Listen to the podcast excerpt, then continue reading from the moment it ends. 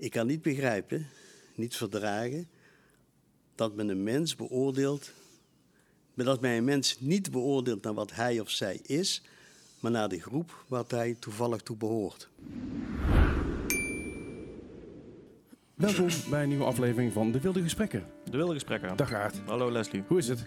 Ik ben, eh, het gaat goed. En ik Ja? ben eh, vol eh, ontzag eigenlijk Ontzag. vandaag voor onze gasten. Oké. eh, geïnteresseerd. Dat is fijn. Wie hebben wij vandaag aan tafel? Eh daar kun je eigenlijk beter vertellen dan ik op dit moment. We hebben hier eh, Samuel, ehm wat is je achternaam ook weer Samuel? Andriessen. Samuel Andriessen en Tanja, Wolterbeek. Tanja Wolterbeek. Eh, bijzondere gasten, die hebben al- allebei een heel bijzonder verhaal en ook samen een mooi verhaal gecreëerd door hun vriendschap. Ehm, eh, ik begin bij Samuel. Samuel, eh, wie, wie ben jij en waarom zijn we hier? Ja, ik ben dus eh, Samuel, roepnaam Miel Andriessen. Eh 79 jaar sinds een paar dagen. Geest, ja. Dankjewel. En ik ben. eh, de reden dat ik hier ben is omdat ik overlevende ben, laat ik zo zeggen, van de Tweede Wereldoorlog. Ik zeg bewust niet slachtoffer, maar overlevende. Mhm. Ehm, en ik eh, daarover vertel op, op, op, op, op, op scholen Mhm. of andere instellingen of wat dan ook. Eh, omdat ik eh, ondergedoken ben geweest. Ik ben dus als kleinkind van een jaar ben ik door mijn ouders, kind van Joodse ouders, dus laat ik het eerst, eerst plaats even zeggen. En mijn ouders hebben me na ongeveer ruim een jaar naar een onderduikadres gebracht. En eh, eh, ik ben de oorlog dus goed doorgekomen, wat jullie kunnen zien. Ja. En, maar de rest van mijn familie helaas niet, inclusief mijn ouders. En ik heb dus, ja, wat dat betreft natuurlijk een, een, een, moeilijke start gehad in het leven. Ja. Met heel veel ups en downs. Mijn onderduiktijd was fantastisch, daarna is het wat minder geweest. Maar misschien dat ik daarna da- daar nog wat over kan vertellen. Ja. En eh, ja, dus, dus dat is eigenlijk de, de, de, de- een beetje de grote lijnen, Ja. mijn verhaal. Je bent geboren in Eindhoven, Ik ben geboren in Eindhoven, ja, in 1942. 42. Ja. Eh, dus twee jaar, tweede jaar van de Duitse bezetting, zeg maar. Ehm, Ja. En jouw, jouw naam is, jouw roepnaam is ook Miel, eh, maar eh, dat... Ja, dat, dat kan ik wel vertellen waarom ik dat... dat toen ik bij het onderduikadres... Ik ben verschillende plekken geweest. Ja? Maar ik ben dus in, op één plaats ben ik vrij lang geweest, een paar jaar. In Helmond, met de familie Verhees. Ehm, maar aangezien ik nogal een Joodse klinkende naam had, Samuel Ja. of Sam... eh, is dat veranderd in Miel Ja. of Mieltje toen dat tijd. En uit respect en eerbied naar de mensen die mijn leven gered het- he- hebben, eh, heb ik dat dus als roepnaam aangehouden. En, Ja. en er zijn natuurlijk ook, ook discussies over. Aan de ene kant zeggen ze ja, maar samen wel eens wel de naam die je ouders je gegeven hebben. Mhm. En die zijn er niet meer. Maar goed, en aan de andere kant, Miel is dus de naam die je gekregen hebt in de oorlog. Maar ik heb ervoor gekozen om mijn roepnaam Miel aan te houden. Ja. En de mensen, de intimi kennen mij dus Samuel. Tanja noemt mij ook vaak Samuel, dat vindt ze mooier klinken. En misschien ook de reden die ik net aangaf. Eh, maar eh, dat is dus eigenlijk, ja, daar Ja. weet ik dus Miel. Even ter verduidelijking, dus uw ouders en eh, familie Ja. zijn vermoord Ja. door de nazi's Ja, in Auschwitz. Ja, Ja. de meeste in Auschwitz. Van mijn moeders kant ook verschillende in uh, Sobibor. Sobibor. Eh, Vernietigingskamp. eh beide vernietigingskamp en ook concentratiekamp. Ehm, heftig. Dus, dus u kwam zeg maar, u bent opgegroeid met geen directe familie. Nou, mijn, van, van mijn moeders kant was eigenlijk helemaal niemand meer over. Mhm. Alhoewel nu achtergekomen ben dat ik ergens een achternicht heb. Ja, maar, goed, maar van mijn moeders kant, de grote lijnen, was niemand meer over. Van mijn, eh, van mijn vaders kant eh, is mijn, mijn oma, dus de moeder van mijn vader, en twee zussen van mijn vader, twee tantes, hebben de oorlog via de onderduik overleefd. Ja. Maar voor de rest is, is iedereen eh, Nee. vermoord. Ja. Ja, nou, dat is een moeilijke start, denk ik het understatement van de eeuw. Ja. Indrukwekkend. Daar komen we zo nog op Mhm. terug. Naast u zit Tanja. U, dat is een vriendin van u. Ja. Ja, eh, er is ook een documentaire over jullie gemaakt, die heet Een Bijzondere Vriendschap. Misschien kan Tanja uitleggen waarom dat een bijzondere vriendschap is. Nou, ik denk dat het voor ons op zich, althans voor mij, niet bijzonder is. Want Nee. het is een vriendschap omdat het klikt tussen ons Ja. en omdat ik hem waardeer. Ehm, je kunt zeggen dat het bijzonder is. Dat stempel telt voor mij niet zo erg meer. Eigenlijk nee, helemaal niet meer. Toen we begonnen misschien nog wel iets. Maar ehm, ik heb nu zoiets, ik ben niet verantwoordelijk voor wat mijn vader gedaan heeft. En Samuel heeft ook niet gekozen hoe zijn leven verder zou gaan. Dus als twee mensen hebben we respect voor elkaar en elkaar leren waarderen. En zeggen we van nou, er staat een, ontstaat een vriendschap uit. Ehm, maar het is meer dat de buitenwereld nog steeds zegt, die combinatie, dat Mm. is wel heel erg bijzonder. Ja. Mm. En ik weet niet hoe dat voor jou is, Samuel, maar voor mij, ik voel dat niet meer zo. Nee, het is ook meer, het, is ook meer een. eh, daarvoor hebben we docu documentaire dus ook, ook genoemd een onwaarschijnlijke vriendschap. Oh, dat was hem, ja. ja, ja. En- Nou, het is, en- het is en- misschien en- dat in de, in, in, eh, in de jaren 40, 45 was het misschien een onwaarschijnlijke vriendschap. Terwijl het nou eigenlijk... Oh, in de jaren 50, 60 ook. 70 misschien ook nog wel. Ja? En nog steeds. Nog steeds. Ja, mensen, ja oké, natuurlijk. nog ja, steeds als mensen zeggen, oh, dat is wel heel bijzonder, zeg. Ja. ja. En, eh, want u hebben het over uw vader, even voor de, voor de kijkers en luisteraars die nog geen achtergrondinformatie hebben. Uw vader was ehm eh NSB'er Eh, oorspronkelijk NSB'er. En later? En eh, later is die eh, vanwege het feit dat hij eh, geen werk meer had, gedeeltelijk zijn laatste baan was bij een Joodse restauranthouder. Daar mocht hij dus van de Duitsers niet meer werken bij Mhm. een Jood. En toen is hij gaan werken op een vliegveld in Soesterberg. En dan ben je in wezen al in Duitse dienst. Dus daarna is hij overgeplaatst naar Eindhoven, waar hij ook oorspronkelijk met mijn moeder gewoond had voor die tijd.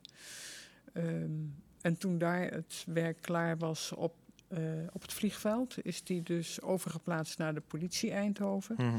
en gedetacheerd bij de SD. En Dat is de die dus-. Ja. Ja, dat is... eh, die dat is dus de functie waar ik het eh, mee... Ja, als kind was voor mij heel erg belastend. Mijn vader was een NSB'er. ja. Als ik eenmaal weet dat hij bij de SD zat, dan zeg, zeg ik eigenlijk van...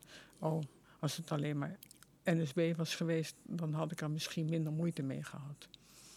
Want eh, wa- welke feitelijke eh, dingen deed hij bij de, bij de Ziegerheidsdienst, bij de SD? Eh, in het begin was hij manager van alles. En eh, chauffeur, met name voor het hoofd van de SD in Eindhoven.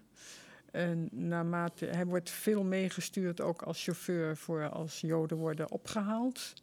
En op een gegeven moment wordt hij bijgeschoold in Schalkhaar. En is hij zelf rechercheur. En dus zelfstandig kan hij dan ook mensen aanhouden.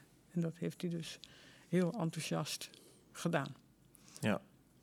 En, d- ja, en dat, heeft, dat heeft voor u zeg maar het, het, belastende effect gehad. Ja. Eh, Ja. Oké, want hoe oud was u toen u geboren? Of, eh, wanneer bent u geboren? Sorry. Eh, ik ben zo onder de indruk van dit verhaal. Ik ben echt, ik moet, ik moet goed Ja. concentreren. Oké. Eh, januari 45. Bent u geboren? Ja. Dus u heeft er niks daarvan bewust meegemaakt? Ik heb niks bewust meegemaakt. Ehm, Het enige wat mij er al vrij jong van ehm, eh, bewust van maakte dat er iets was. Punt 1 hebben wij allemaal in pleeggezinnen gezeten. In de eerste, nou, wat moet ik zeggen, voor mij tot mijn zevende. Ehm, en als mijn vader vrijkomt, gaan wij pas een gezin vormen. Ehm, wanneer kwam uw vader vrij? in november 51. 51, En- Zes jaar na de oorlog. En, ehm, en hij, we zijn een gezin gaan vormen in maart 52 en in juli 52 is mijn vader overleden. Dus ehm, eigenlijk ken ik mijn vader niet. Nee. Nee. Nee. En wanneer ehm, merkte u, u heeft er last van gehad, wanneer kreeg u er last van? Wanneer eh, kreeg u een stempeltje of merkte u dat andere mensen raar naar u keken of niet mocht spelen of dat soort dingen, zeg maar? Wat, eh, Ehm, hoe ging dat? Het is gedeeltelijk gevoelsmatig, denk ik, geweest. Mhm. Mijn pleegmoeder en mijn moeder waren twee vrouwen die recht tegenover elkaar stonden. En daar werd wel eens een opmerking gemaakt die, waarvan je kon zeggen, er moet iets zijn. Maar toen had ik nog niet het idee dat het... Kunt u daar een voorbeeld van geven? Van eh, iets, Ja. iets vergelijkbaars? Dat, eh, Ja, op een gegeven moment, als mijn pleegmoeder later zegt van... jouw vader was een heer, maar jouw moeder absoluut geen dame, dan gaf dat aan dat er iets, iets speelde. En eh, op school werd je er vooral mee geconfronteerd. Dat eh, mensen wisten dat er iets was. Eh, Ik werd wel gepest. Eh NSB'er werd me ook nageroepen. Ja, ja. Dus, maar ik wist natuurlijk als klein kind niet wat NSB'er was. Dus dat, ik denk dat het in die tijd veel meer gevoelsmatig was. Klopt iets niet. Eh, ik was geboren in Vught en alle anderen in Eindhoven. Dus waarom, Kampvucht? Ja, Ja. waarom ben ik in Vught geboren? Dan hoor je wel, ja, jij bent in het kamp geboren. Mijn moeder is nooit open en eerlijk over haar aandeel geweest in de oorlog. Die heeft eh, naar buiten toe op een gegeven moment gezegd... ja, mijn man die, eh, was van de NSB, maar ik, ik niet. En eh, ik moest op een gegeven moment moesten we toch, moest ik ook in mijn brood voorzien. En ja, die heeft daar een mooi verhaal omheen gebreid. Maar dat klopt niet helemaal. Nee. En ehm, wat, ehm, hoe, hoe, wanneer bent u zeg maar actief met uw eh, verleden begonnen? Of met het verleden van uw vader? Of, of hoe hebben jullie elkaar ontmoet? Eh, jij, u en Samuel? Ehm, ja, dat is vele, vele jaren daarna dat wij elkaar tegenkomen. Ik denk dat ik. Ik, ben al, ik heb altijd gevraagd aan mijn moeder Mhm. en nooit antwoord gekregen. En de eerste keren dat ik echt ga zoeken en ook niet weet waar ik moet zoeken, is als ik. ehm, een, eh, mijn moeder woonde in de Badstraat. Mhm. En daar in die tijd had je dus ook verplichte inwoning. Daar woonde een echtpaar boven. En ik ben die mevrouw op gaan zoeken van... kunt u me iets vertellen over, over mijn ouders? Ehm, dat moet in die begin jaren tachtig zijn geweest, denk ik ja. pas. Ehm, ik heb een tante van mij gebeld, een zus van mijn vader. Tan- tante, kun je me vertellen wie mijn vader was? En ook van haar kreeg ik het antwoord: kind, laat het allemaal rusten. Ik, eh, ik kwam er toen wel achter, zij vertelde me wel, en dat was een vergissing, dat mijn vader eerder getrouwd was geweest. Ehm, dat was dus ook iets, laat het rusten. En toen Dat ik- was niet waar? Of dat was een vergissing om te zeggen? het was een vergissing om te zeggen. Het is overigens voor mij nog steeds niet duidelijk of hij werkelijk getrouwd was. Maar ehm, ik, weet, ik heb dat ook aan mijn moeder gevraagd. Was papa eerder getrouwd? En toen was haar eerste reactie van... Hoe weet je dat? Hm. Dus, maar zij had het zelf pas gehoord op de begrafenis van mijn vader... toen iemand zich voorstelde als de gewezen vrouw van mijn vader. Oh, wauw. Dus ik ben wel gaan zoeken en pas, eh, ja, ik, ik wist op een gegeven moment wie het zou kunnen zijn, maar ik kon het niet vinden. En uiteindelijk heb ik op persoonskaarten van mijn vader en die persoon, heb ik dus kunnen zien dat zij gedurende een periode van drie jaar iedere keer op hetzelfde moment naar hetzelfde adres verhuizen. Mhm. Dus dat moet dan waarschijnlijk zijn vrouw zijn geweest. Ja.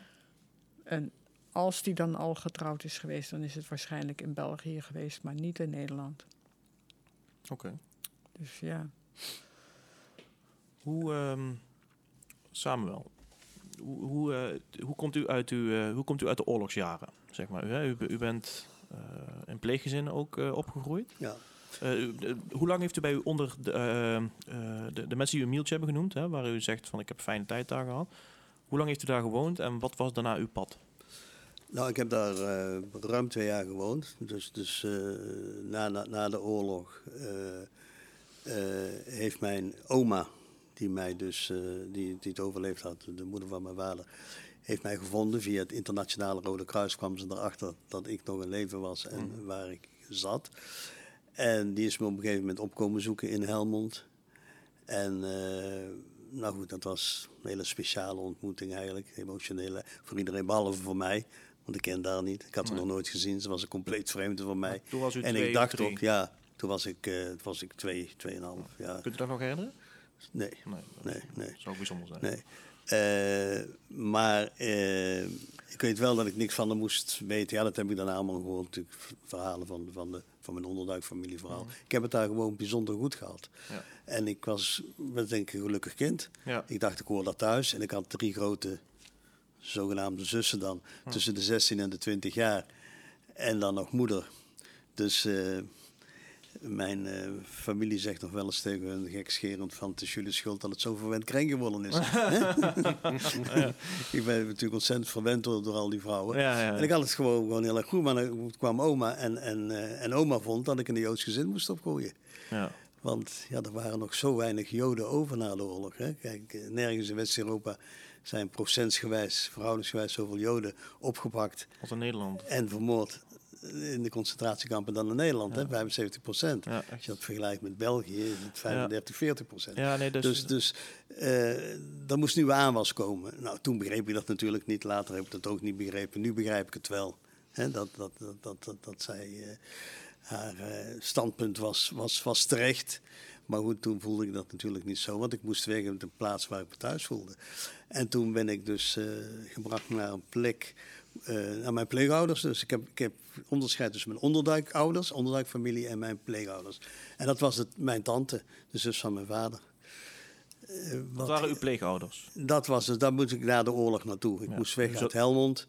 Eh, de jongste dochter van de familie ging mee, zodat ik even een, een, een vertrouwd gezicht om me heen had.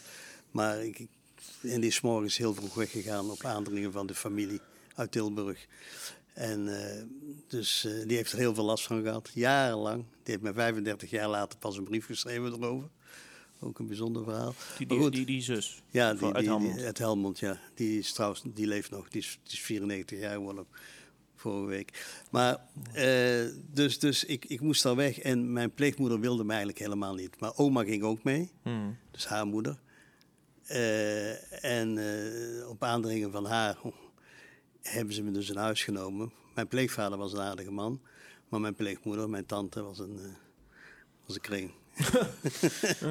en daar heb ik dus geen leuke tijd gehad. Nee. Leuke tijd gehad. En het vervelende is dat ik ook met hun naam zei te Cohen. Eh, en ik kreeg ook hun naam. Ja, niet officieel, maar bij buren, bij, bij, bij, bij, bij kennissen, op school overal was ik Mieltje Cohen, terwijl ik niet talent geadopteerd was. Mhm. En mijn echte achternaam Andriessen was en nog steeds is. Maar ik heette Mieltje Cohen. Dat was dus mijn derde naam in, eh, in vier jaar tijd. Ja. Ik was bijna vier toen ik naar Tilburg ging. En toen kreeg ik mijn derde naam al. Hè, Samuel Andriessen bij de geboorte, toen steeds mijn officiële naam. Mieltje Verhees in de oorlog, want er werd gezegd dat ik een kind was van een Ja. nichtje uit Den Haag.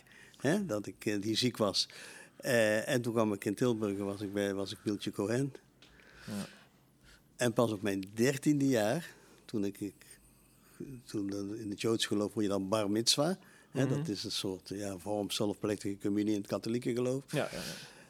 Toen werd mij verteld, op die dag zelf, wat de feestdag had moeten zijn, werd mij verteld, ook niet door mijn pleegouders, die durfden dat waarschijnlijk niet, maar door een ander. Hè, dat zij niet mijn ouders zijn, dat ik een andere achternaam heb.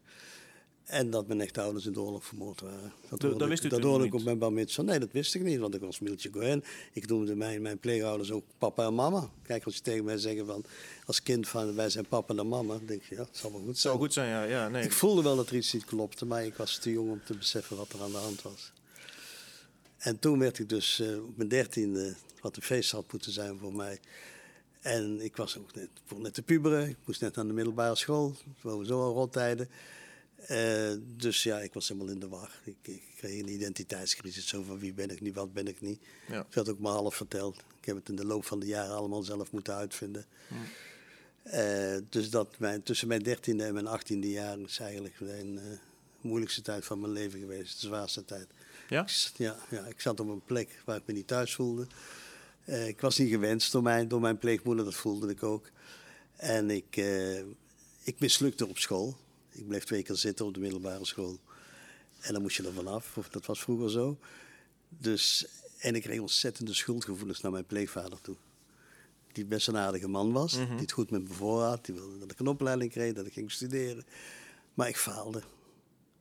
En dat, dat vond ik heel erg. En zeker toen ik wist dat hij niet mijn vader was, maar mijn pleegvader, werden de schuldgevoelens naar hem toe alleen nog maar groter. Ja. En, en eh, ja, dat, dat, is voor mij een, een, een hele moeilijke tijd geweest.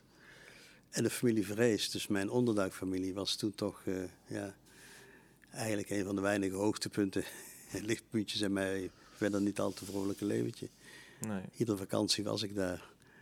En eh, iedere keer als naar huis moesten we de tranen met uit de geuld. In, vakantie ging je naar familie ja, in ja, Helmond? ja, het contact is altijd gebleven. Het contact is er nog steeds. Oh, dat is fijn. Met de kinderen, met de kleinkinderen. Dat is... nee, dat eh, zal ik ook nooit verlogen en nooit vergeten. Ik heb ook een onderscheiding voor ze aangevraagd. Ja, het was geen onderscheiding. Ja. En je hebt ze ook Dus gekregen. Ja, absoluut. Ja. Ja. Dus eh, eh, iemand die één leven redt, redt de wereld, is dat toch een uitspraak van? juist, dat, dat vertel ik ook in, in, in, mijn, in, in, mijn, in mijn lezing. Daar eindig ik altijd mee. Die is, één leven redt. Een Het is hij of zij de hele wereld redt. pure goedheid. Ja, Ja. ja. Mooi. ja. En eh, jullie zitten hier samen. Het was een onwaarschijnlijke eh, vriendschap. Jullie geven ze- zelf vaak lezingen op scholen. Eh, soms ook los van elkaar, maar ook soms samen. Ja. Wat is dan het thema van, van de lezing? En we kunnen je daar wat meer over vertellen, dat wij onze luisteraars en kijkers ook kunnen informeren ehm, eh, ja, waar, waar dat over gaat en wat het doel is. Nou, het, het, het, het doel is, kijk, onze ouders, onze grootouders zouden geen, geen woord met elkaar gewisseld hebben. Nee. Vijanden. Hè? Ik Joods, Tanja. Meer, meer, meer, vanuit van één, meer vanuit één kant eigenlijk. Hè? Ik bedoel, eh, Joden, het is niet. ehm, kijk, communisten en nazi's, zeg maar, fascisten, zeg maar, dat waren echt Mm. botsende ideologieën. Mm. Joden deden. Ik heb zelf geschiedenis gestudeerd, redelijk wat be- bestudeerd.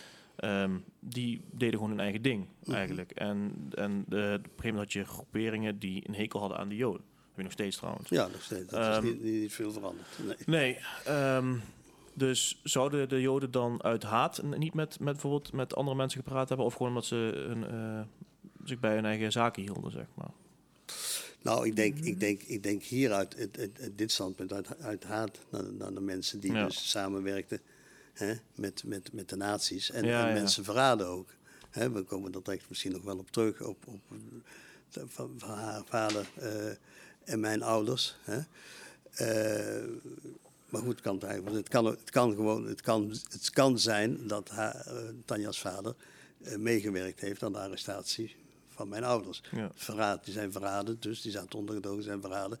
En dat kan dus zijn. Zou kunnen zijn, waren het niet, dat we inmiddels weten, althans, Ja. dat het niet zo is. Nee, nee. Mijn vader is daar niet bij betrokken geweest. Oké. Dus dat is. eh, ik, ik heb daar zelf jaren naar gezocht en het niet kunnen vinden. Mhm. Maar er werkt hier een meneer. Ik ben zijn naam even kwijt, maar die is bezig nog een boekje te schrijven over alle Joden die weggevoerd zijn. En hij vroeg op een gegeven moment mijn toestemming om het dossier van mijn vader in te kijken. Dan heeft u mijn toestemming niet voor nodig. Als u zegt dat u een boek aan het schrijven bent en dat in wil zien, mag u het gewoon inzien. Maar ik ben heel benieuwd wat u vindt. En hij heeft mij een lijstje gegeven wat er bestond, Hmm. kennelijk. eh, waarop precies staat eh, waar mijn vader eventueel bij betrokken is Hmm. of niet. Maar dat waren in ieder geval niet Samuel zijn Nee, ouders. nee.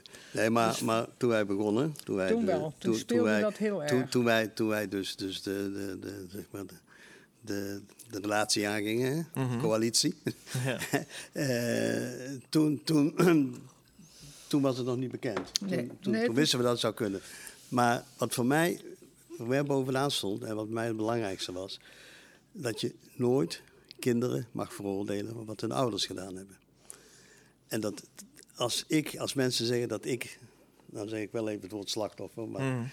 slachtoffer ben van de Tweede Wereldoorlog, is Tanja dat ook, net zo goed. Ja. Alleen op een andere manier. Ja. Hè? En er is geen, eh, er is geen eh, eh, rangorde in, in, in, in, In leed. In, hè? in leed Nee. hè? Of, of dat nou voor mij erger was, of wat, daar gaat het eigenlijk niet om. Nee. En ik, ik, ik, ik weet niet of je Primo Levi kent, of je het boek van Primo Levi kent. eh, is dat de mens?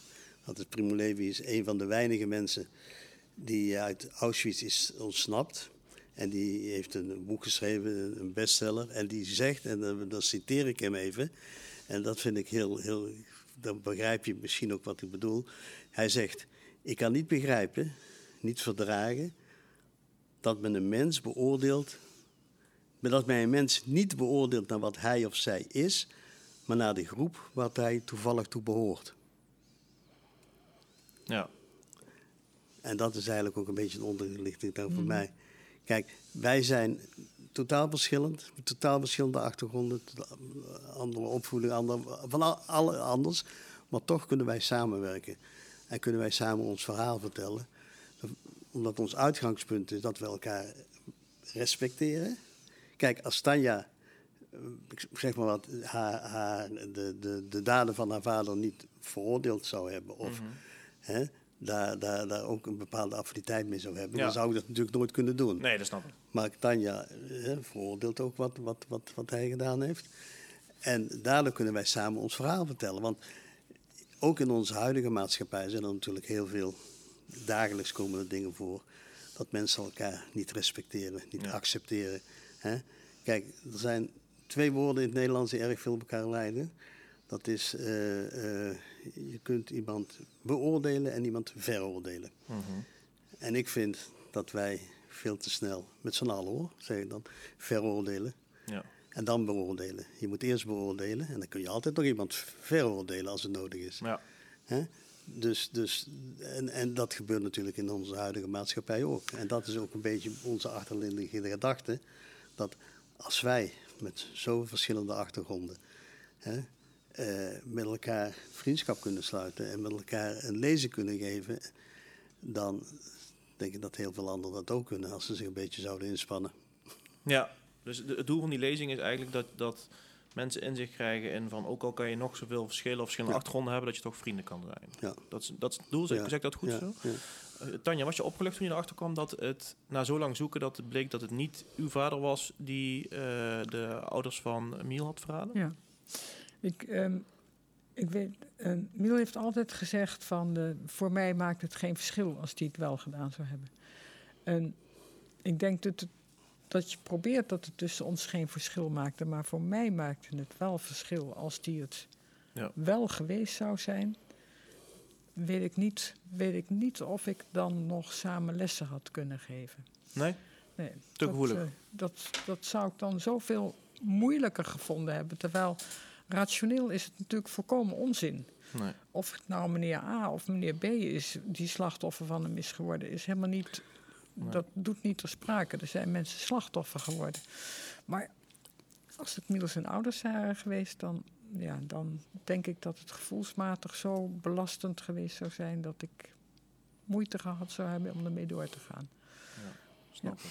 Hoe heeft u dat ervaren, Miel? Toen u dat hoorde, maakt het voor helemaal geen verschil? Of toch misschien toch wel? Of, eh? Mm, Ik was, ik was, laat ik zo zeggen, ik was blij voor Tanja. Oh ja, ja. Ja. Omdat ik eh, mij, en, en, en dat meen ik ook oprecht, kijk, natuurlijk is dat voor haar een hele opluchting. En, en, maar het- is steeds niet, nog niet Tanja die het gedaan heeft. Tanja heeft, heeft mijn ouders dan niet verraden. Tanja was er niet eens geboren. Nee. En zij, het is haar schuld niet. En je mag haar er niet op veroordelen. Dus voor mij had dat, had dat, voor mij had dat laat ik zo zeggen, geen, geen, geen verschil gemaakt in, in, in onze relatie. En ik was wel doorgegaan met, eh, met, met, met onze lezingen. En, eh, maar ik, ik, ik, beg- ik begrijp Tanja ook wel, dus ik was blij voor haar. Ik heb die lijst voor jou toen gehad, geloof ik ook, hè? Ja. Ja, ja. En, en, maar er st- stond natuurlijk wel andere dingen in Ja. die die wel gedaan had. Maar nogmaals, het is niet Tanja. Kijk, Tanja is geboren in Kamp Vught. Ja, Hetzelfde kamp waar mijn ouders heen doorvoerkampen. door voor voor kamp. Ze zijn dus, eh, toen ze gearresteerd zijn, ze zijn verraden voor eh 7,5 gulden hè, per Ja. jood. Je kreeg, ze kreeg, je, kreeg, je kreeg een premie van 7,5 gulden eh, als je iemand verraadde. Dus mijn beide ouders zijn voor 15 gulden, zo'n 7 euro Mhm. omgerekend. En dat was natuurlijk veel meer geld. Ja, dat nee, maar, wel. ja. Maar moet je het voor 7000 of 17.000 moet je het ook niet doen. Eh, zijn ze verraden, zaten ondergedoken in Waalre.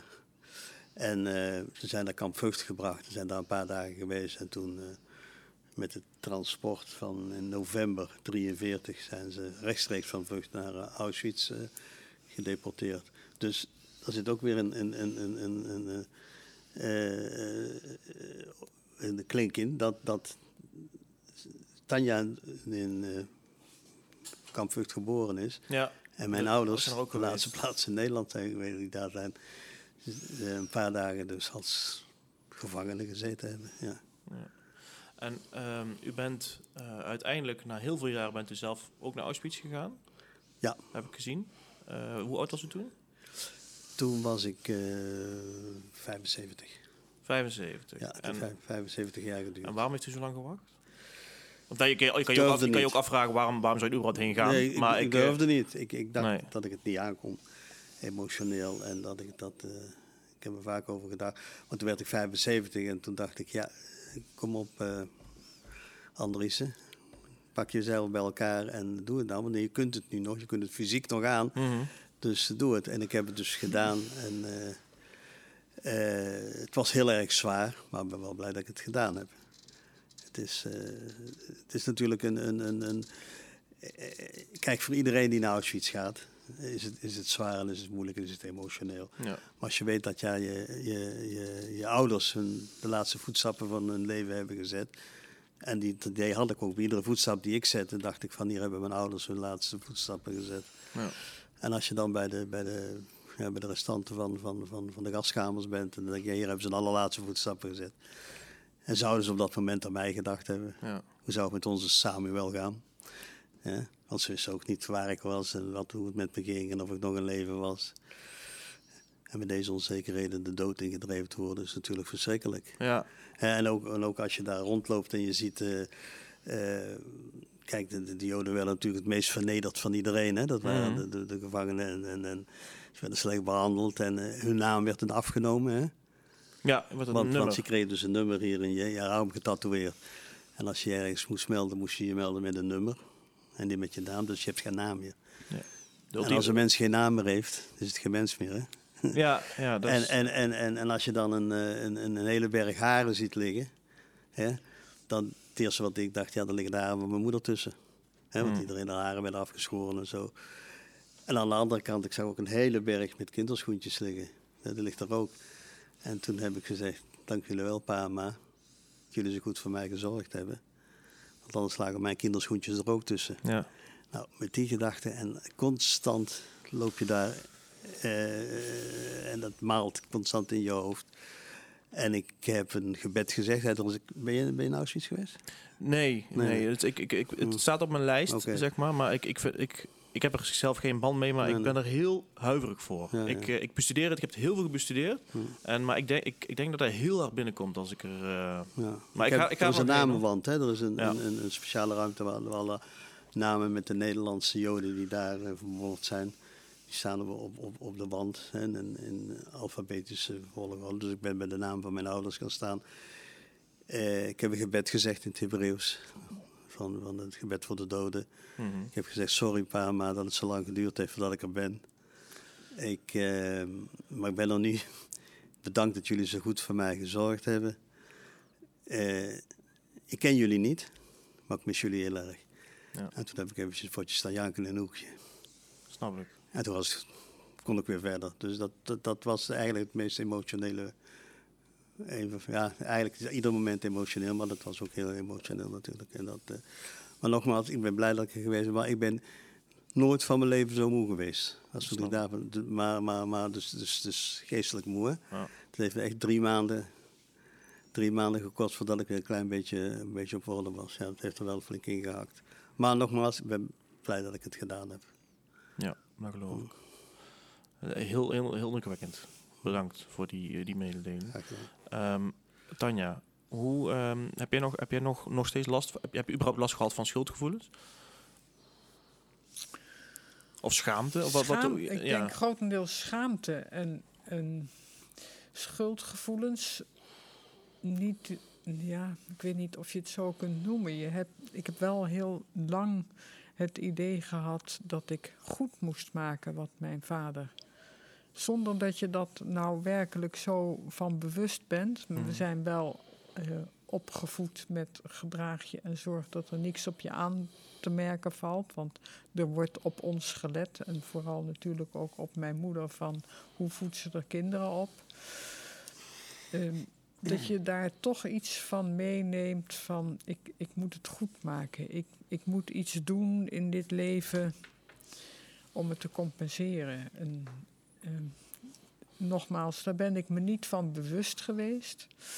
Ik had wel een keer gesprek met mijn zusje ook. Die zei van, je bent alsmaar bezig om goed te doen. Want die had diezelfde ervaring eigenlijk. Je probeert goed te doen, terwijl we heel verschillend zijn. Maar, maar toch, inderdaad. Van, van, de, van de jongens hoor ik dat niet. Mijn oudste broer wil überhaupt niet praten over de oorlog. Wilde, ik zie hem nu niet meer. De tweede had ik van de week toevallig aan de lijn en die zei, ehm, zei ik, goh, ik heb een van je nichtjes gesproken. Maar we hebben het niet over de oorlog gehad. En toen zei hij, nee, hoezo, wat zou je daarover moeten melden dan?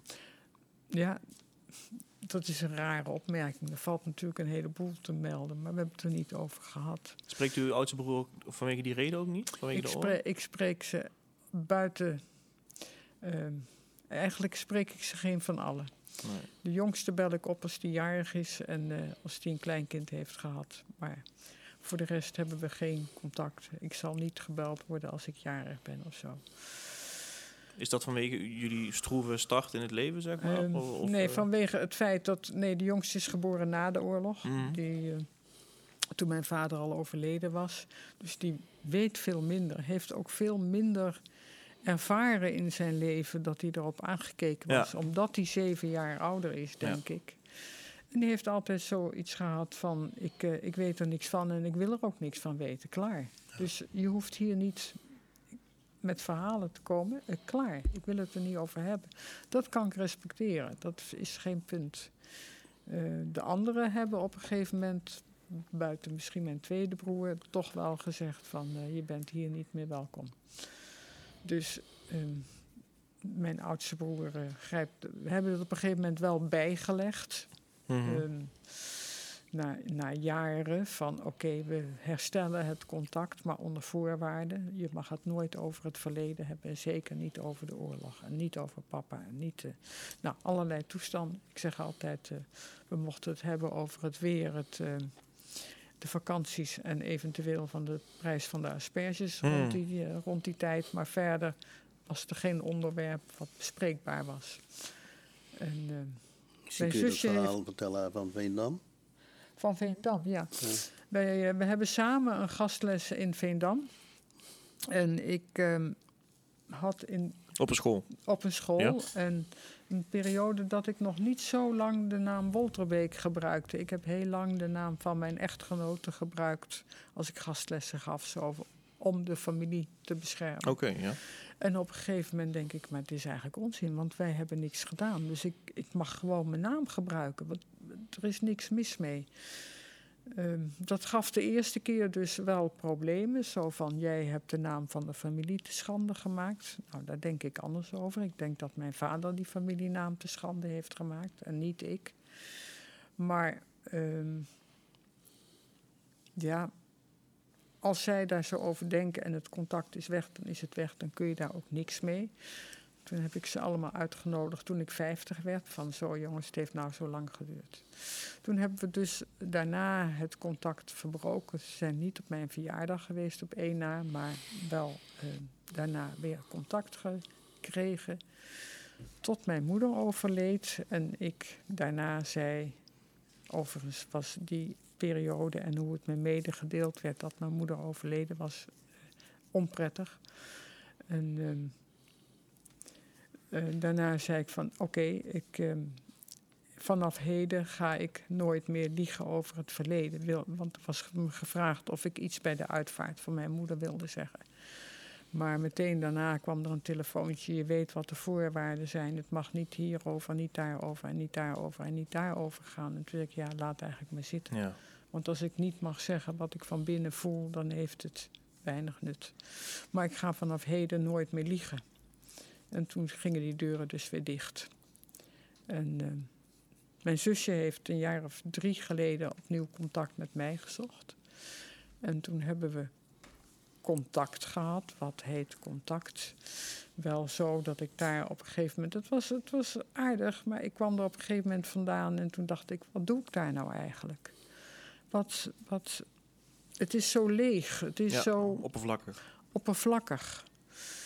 Ehm, Maar ja, je moet niet na twee keer of drie keer elkaar zien zeggen van laat maar zitten. Dus we zijn daarna een paar keer naar de sauna geweest. En toen dacht ik, nou, dit is toch ook leuk. Dan heb ik wel een zusje.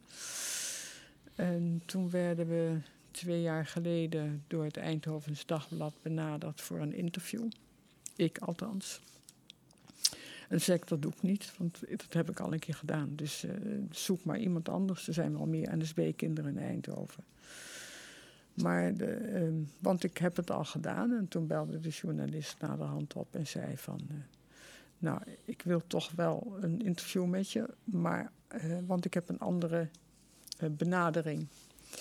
En toen dacht ik heel slim te zijn door te zeggen dat is oké, maar alleen als mijn zusje erbij aanwezig wil zijn, zodat die mij kan corrigeren als Mhm. ik iets zeg wat niet waar is. En tot mijn verbazing zei mijn zusje ja, ik Mm. kom. Dus ik was helemaal eh, verbaasd. Zei wel tegen de journalist: Je moet niet verbaasd zijn als ze een half uur van tevoren opbelt dat ze niet komt. Als jij dat risico neemt, want dan doe ik het niet. Nee, het was prima. Dus hij zat er en inderdaad, een half uur daarvoor ging de telefoon. Nou, eh, ik, ik, eh, dat gaat niet door hoor, want ik zit in een vreselijke file en voordat ik er ben, dan is het. Ik nou, dat is geen probleem, we wachten gewoon, dus kom maar. Nou, uiteindelijk heeft mijn zusje het grootste gedeelte van het interview gegeven. En dat heeft dus in het Eindhovens Dagblad gestaan. En daarin zegt ze zelf ook: Ik heb mijn kinderen gewoon altijd alles verteld. En als ik dan aan een van haar kinderen vraag: hoe, hoe, eh, vond je dat interview? Dan weet ze dus van niks. En eh, is mijn zusje vreselijk boos hoe ik dat nou achter haar rug om had kunnen doen. En blijkt dus dat ze helemaal niet verteld heeft. Ja, ze heeft gezegd: Papa was, mijn papa was lid van de NSB. Mhm. En dat was het. En dat is het natuurlijk niet. Nee, dat Dus- is een halve waarheid. dat is een, nou, dus, eh, ja, zo zou je het kunnen noemen. Ja. Maar in ieder geval, sindsdien is het contact weer eh, verbroken. Oké, kijk eens. Dus Ja, eh, ja. En dat, dat is, ja, zegt u ook, hè, Tanja is ook op haar manier een slachtoffer. Dus zo, zo, Ja. zo, Daar ben zo- ik het dus niet mee eens. Hè. Ik Nou, zeg ze hebben altijd, de naam Nee. slachtoffer niet. Oké, nou niet- ja, niet, ja eh, nou, ik- het, het heeft in ieder geval heel erg effect gehad op het uw, heeft wel invloed uw- gehad op, mijn gezin. leven. Kijk, ja. tot, tot op de dag van vandaag heeft u dus wel, niet, wel, niet. Ja. eh, en, en zo gaat iedereen op zijn eigen manier om met hun oorlogsverleden We natuurlijk. hebben Ja. geleden onder de Tweede Wereldoorlog. Ja. Ehm, vindt u, u, is uw vader, was uw vader een eh, kwaadaardig mens? Ik zou het niet. Ik, ik, ik weet het niet. Ik, ehm, ik heb zelf twee herinneringen aan hem die voor mij als kind niet prettig zijn. En één eh, is, is op zich niet erg, maar heeft voor mij kennelijk heel veel invloed gehad. Dat als ik eh, ergens in mei of juni vraag of ik met zonder jas naar school mag, dat ik teruggeroepen word en het moet corrigeren totdat ik zeg: mag ik zonder jas naar school? Mhm. met zonder jas. Dus dat hij heel erg gespitst is op, dat, eh, op, op het ABN. En dus regels. En dat is reëel, maar als kind zie je dat niet. Nee. Eh, en iets anders is dat ik eh, bij V&D een snoepje heb weggepakt... terwijl hij chocola koopt voor mijn moeder. En als we thuiskomen, ik heb dat...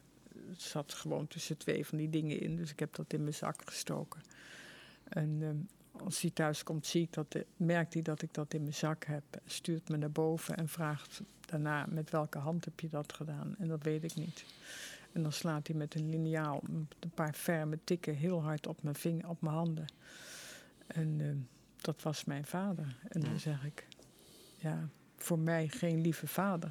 Nee. Ik ben ook niet verdrietig geweest toen hij dood was. Punt 1 kende ik hem nauwelijks. En punt 2 had ik niet een ervaring met hem van een vader die voorleest of je knuffelt of op schoot neemt of iets in die richting. Ja. Dus was mijn vader kwaadaardig. Ik heb een paar brieven die hij aan mijn moeder geschreven heeft vanuit eh, zijn gevangenschap. En dan is het een, eh, een hele liefhebbende man met veel zorg en begrip. Dus ja, die zit er ook in. Maar Denkt u dat u eh, tot dezelfde soort daden in staat zou zijn? ik denk dat ieder mens tot dezelfde. Ja, denk ik ook. Ik denk in, bepaalde omstandigheden en een bepaalde En- opvoeding denk ik dat iedereen hetzelfde... Nou, niet eens een bepaalde opvoeding. Als je, als je eigen leven in gevaar zou komen, dan denk ik dat je heel ver gaat om dat te behouden. Ja. Om- was dat bij uw vader ook het geval? Ik denk het niet. Nee. Ik denk dat voor hem het feit is dat hij brood op de plank wilde Ja. hebben. Je wilt zijn, zijn werk, hoe erg ook, wilde hij goed doen? Wil Waarschijnlijk. hij wel goed doen, maar, maar als hij gearresteerd wordt, heeft hij een portemonnee met 500 gulden op zak. Hm. In die tijd een portemonnee met 500 gulden op zak. Ja. Dat Is niet dat nou, normaal, dat is nou toch? een ton of zo is dat nou. Ja, ik eh, bedoel, dat is, als je dat allemaal verdiend hebt met, met joden arresteren. En ehm, het weghalen van dingen uit huizen waar joden gewoond hebben. Dat is het teruggaan nadat de mensen weg zijn om dingen eruit te halen. ja. Dat is een zelfverrijking. Waarvoor ik denk dat veel mensen daartoe in staat zouden zijn. Ja. ja, eens. Ehm, Dus ik ben niet anders dan, dan ieder ander mens. nee, En, eh, nee. Het Ik- enige is dat ik een, een, voorgeschiedenis heb dat je kunt denken van ho. Ik heb het veel meer naar mijn moeder toe dat ik soms denk, ho, ik lijk op mijn moeder. Ik eh, even afstand nemen. Mm. Ja, dat is leuk. Hebben jullie ooit de documentaire Zwarte Soldaten gezien? Toevallig? Nee, volgens mij. Dus volgens mij niet. op de, op de NPO was dat. En dat, was, dat ging over, over... Ze volgden een paar mensen die bij de SS hadden gezeten. Bij de Nederlandse Ja. eh, tak van de SS. Waffen-SS. Oh. En, eh, en eentje in die, die zei nog steeds... Ik heb een hekel aan joden gehad, altijd al gehad, heb ik nog steeds. Maar een andere die zei... Die was 18, die was aan het puberen. En die, zei, die was gewoon zijn vader een beetje te kloten. Die zei, ik ga bij de SS. Ja. En, en, want die vond dat marcheren vond hij wel mooi. En die tekent in opwelling eigenlijk. En op een gegeven moment, een paar eh, weken later, eh, wordt hij uitgeladen op het oostfront. Dan krijgt hij een geweer in zijn hand geduwd, bewijzen van. Hè? En had hij van, wat heb ik nou gedaan? En dat heb ik altijd onthouden. Ik dacht van, kijk, stel je zou die tijd opleven. Je was een beetje verveeld, je was een puber en je neemt... Ja. Eh, En dat, dat tekent je natuurlijk voor de rest van je leven. Want je bent voor de rest van je leven een ex-SS'er, zeg maar. En, dan, en dat heb ik altijd onthouden. Ik dacht van, ja, iedereen kan op een bepaalde manier op een bepaalde verkeerde plek terechtkomen, denk ik. Maar goed, dat was een interessant documentaire. Ja, dat kan ook, ja. Ja. Ehm, Maar dan wordt op dat moment wordt er niet gevraagd naar, naar, je, naar een moreel kompas. nee, nee, nee, Dat, juist eh, niet. Nee, Nee. was hier tekenen. hè. Ja, Klop, klop, ja, klop. ja. Nee, maar mijn vader was eh, punt 1 in 1901 geboren. Dus echt een volwassen man. Ja. En in 33 al lid van de NSB. Dus Ja. Dat was een echte. Nou, nou was daar natuurlijk niks mis mee, zeg ik altijd, om in die tijd NSB te stemmen. Nee. Ik, bedoel, ik zou nu ook niet op eh, bepaalde partijen aan de rechtervleugel stemmen. Maar op zich kan je dat iemand niet kwalijk nemen. En de NSB is natuurlijk pas na de oorlog met terugwerkende kracht een verboden partij geworden. Dus je, je kan. Ja, het is echt waar. Ja, nee, ik- nee klopt, klopt, klopt. Ik ben, ook, ik ben ook aan het nadenken. Maar dat klopt inderdaad. Het, het, het was een... Dus je kunt het mensen niet kwalijk nemen dat ze lid van de NSB waren. Alleen je zou mogen verwachten dat ze bedanken voor hun lidmaatschap als het een kant ingaat Mhm. waar jij het niet mee eens bent. Kijk, en, en wat ook, eh, men, eh, het is vergelijkbaar ook met, met ook de nazi's zelf, de nazi-partij. Kijk, achteraf zou je er nooit op gestemd hebben. Maar toen de tijd was het een partij die eh belofte een einde te maken aan heel veel werkloosheid en dat soort dingen. En ja, en die joden haat die namens allemaal een beetje verliefd dan. Of zo, Ja. weet je, van hoe serieus zullen ze daarin zijn? Maar niemand, iedereen heeft, heeft dat eigenlijk onderschat in die tijd. Ja. Dat, dat het dat zo serieus zou worden. Helaas.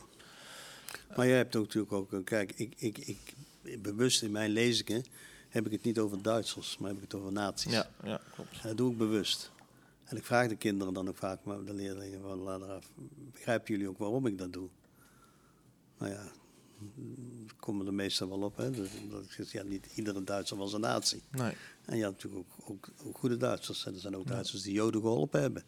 zeker. Hè, Dus, dus, bedoel, dus daarom moet je niet. eh, een van de gevaarlijkste dingen, denk ik, in onze huidige maatschappij is het generaliseren. Hè? Ja. Of iedereen maar over één kam scheren. Hè? Als iemand iets verkeerd doet vanuit een bepaalde groep, zoals Primo Levi dat zegt. Hè? Ja. Eh, Die ga ik dan- opzoeken trouwens, die ga ik lezen. Ja, ja. Dus dat, eh, Ja. Is, is er iets waar, waarmee jullie nog, eh, u, u zegt generaliseren, is er iets wat u nog, eh of jullie op de gastleding al mee afsluiten, of je denkt van, dit willen we nog meegeven? nou, ik, ik heb dus een. een ik, kan het wel even oplezen. Wij hebben dus een slot wat ik, eh, ik geschreven heb. Slot bij, bij iedere, bij iedere eh, gastlezing die wij samen doen, Mhm. heb ik dus eh, een slot. Dat- Graag. dat- Willen we bewaard tot het helemaal einde? Of wil je het Ehm, nu al doen? Het is niet, Nou ja, eh, het- het, is het niet, het is maar een klein stukje. Het is niet Maar zo- ja, maar ik ben- Hij kan, hij kan altijd knippen. Huh? Hij kan altijd Oh ja, knippen. Ja, ja, nee, dat zeker. ja, dat is goed. Dus ik zeg ja, dus, dan zeg ik altijd, wij hebben jullie willen weergeven hoe ons beide leven beïnvloed is door deze vreselijke oorlog. En dat ongeacht de grote tegenstellingen, wij als nageslacht samen hier kunnen zitten en ons verhaal willen vertellen. Het zou goed mogelijk zijn dat Tanja's vader betrokken was bij de arrestatie van mijn ouders en zij daardoor naar de vernietigingsrampen zijn vervoerd en omgekomen. Toch zijn wij samen hier en willen daarmee aantonen dat je nooit kinderen mag veroordelen voor wat hun ouders hebben gedaan. Als onze wederzijdse ouders nog in leven zouden zijn, was het hoogst onwaarschijnlijk geweest dat ze elkaar één blik waardig zouden hebben gekeurd en met elkaar zouden praten. Ook wij zijn zo opgegroeid, met haatgevoelens naar elkaar toe. Maar toch vertellen wij nu als vrienden ons verhaal en hopen een voorbeeld te zijn. Ook in onze huidige maatschappij zijn er vaak vooroordelen en onbegrip over een andere afkomst, achtergrond, religie, huidskleur of seksuele voorkeur. Onze boodschap is: veroordeel niet, maar beoordeel. Toon eens meer interesse in het leven van je buren die op wat voor manier dan ook anders zijn. Of verdiep je in de geschiedenis van een vluchteling of asielzoeker en wat voor verschrikkelijke dingen hij of zij hebben meegemaakt en waarom ze hun vaderland moesten ontvluchten. Aan de andere kant mogen de gruwelijkheden van de Tweede Wereldoorlog nooit vergeten worden. En we moeten altijd alert blijven en voorkomen dat iets dergelijks weer geschiedt. Ook vandaag de dag zijn er nog veel conflicten in de wereld waarbij een groot gevaar is voor genocide, het uitroeien van een volk of van een volksgroep. Zeg nooit dat wij als individuen er niets aan kunnen veranderen. In het Joodse boek de Talmud staat: Wie één leven redt, het is alsof hij of zij de hele wereld redt. Mooi. Dank u wel. Ja, wel mooi inderdaad. Ja, net, eh, ik word er een beetje stil van. Ja, ja is, absoluut. eh, het is als, als het zo, hè, ik, eh, met, met de achtergrondgeschiedenis van jullie allebei, dan, dan komt zoiets natuurlijk nog wel een stuk harder binnen. Ehm, ik denk dat we er zijn. Ja? Ja. Heb jij nog een vraag, eh, Leslie? Nee, nee, ik, ik, ik, ben vooral heel erg onder de indruk van alles wat ik vandaag gehoord heb. Eh, zoals de luisteraar misschien wel meekrijgt, ik ben erg stil. Ja. De reden daarvoor is dat ik dit vooral aan aard wil laten. Natuurlijk jouw jouw vakgebied, om het zo maar even te zeggen. Hmm. En ook tussendoor heb, heb ik een paar keer in willen springen, maar ik was te, ja, te overwhelmed, zeg maar. En dat, eh, dat, dat doet wel wat met je. Mhm. Het is heel intens. Ja, heel, heel goed dat jullie dit doen. Absoluut. Eh, ga vooral zo door. Ehm, en heel erg bedankt dat jullie hier wilden zijn. Ik weet het. eh, Bedankt voor de, Ik, de ik, mogelijkheid om het te doen. Ja. Ja. ik, ik zal nog even in de show notes, dus waar mensen alles nog na kunnen lezen, zal ik nog even wat, wat links droppen voor, voor jullie. Dus de documentaire zal ik er eventjes inzetten. ja, sowieso. Onwaarschijnlijke vriendschap, onwaarschijnlijke vriendschap was het toch? Ja. Oké. Ja. Die zal ik er even Ja. inzetten. Zijn er nog meer dingen waar we, waar we heen kunnen refereren voor jullie? Ja, en daar, daar staat ook dat gedicht, hè? Dat gedicht heb jij, heb jij, hebben jullie... eh, Ja, ja, Ja, die, die ja. Zullen, die zullen er ook inzetten. En ook de link van het Westerbork-project, hoe ik met jullie in eh, contact ben gekomen, het Stichting Westerbork. ja. En ehm, ja, ik kijk ernaar uit om het online terug te kijken. Zeker en ik, ho- ik hoop dat we zo ook onze bijdrage kunnen doen, dat we jullie boodschap kunnen verspreiden. En, eh, en zo eh, bijdragen aan wat meer tolerantie in de wereld. Ja. Zeker. weten. En dan dank jullie allebei- allebei hart- hartelijk voor het aanwezig zijn, sowieso. Dank Echt super tof. En dan wil ik nog eventjes de luisteraar bedanken voor het uh, subscriben op het kanaal. En eh, het volgen natuurlijk allemaal. Zoals je nu al hoort, we hebben allerlei verschillende gasten. Weet je, het gaat alle kanten op. We hebben Melle Verrooy gehad, een Klaas Dijkhoff, een Cody Gakpo. Maar natuurlijk ook nu zoiets als dit. Eh, het gaat alle kanten op. Dus eh, abonneer vooral op het kanaal om meer van dit soort dingen mee te krijgen. Meer van dit soort dingen te horen en te zien. En eh, ja, dan horen jullie ons volgende keer weer. Dankjewel. Dankjewel. Dankjewel. Tot ziens.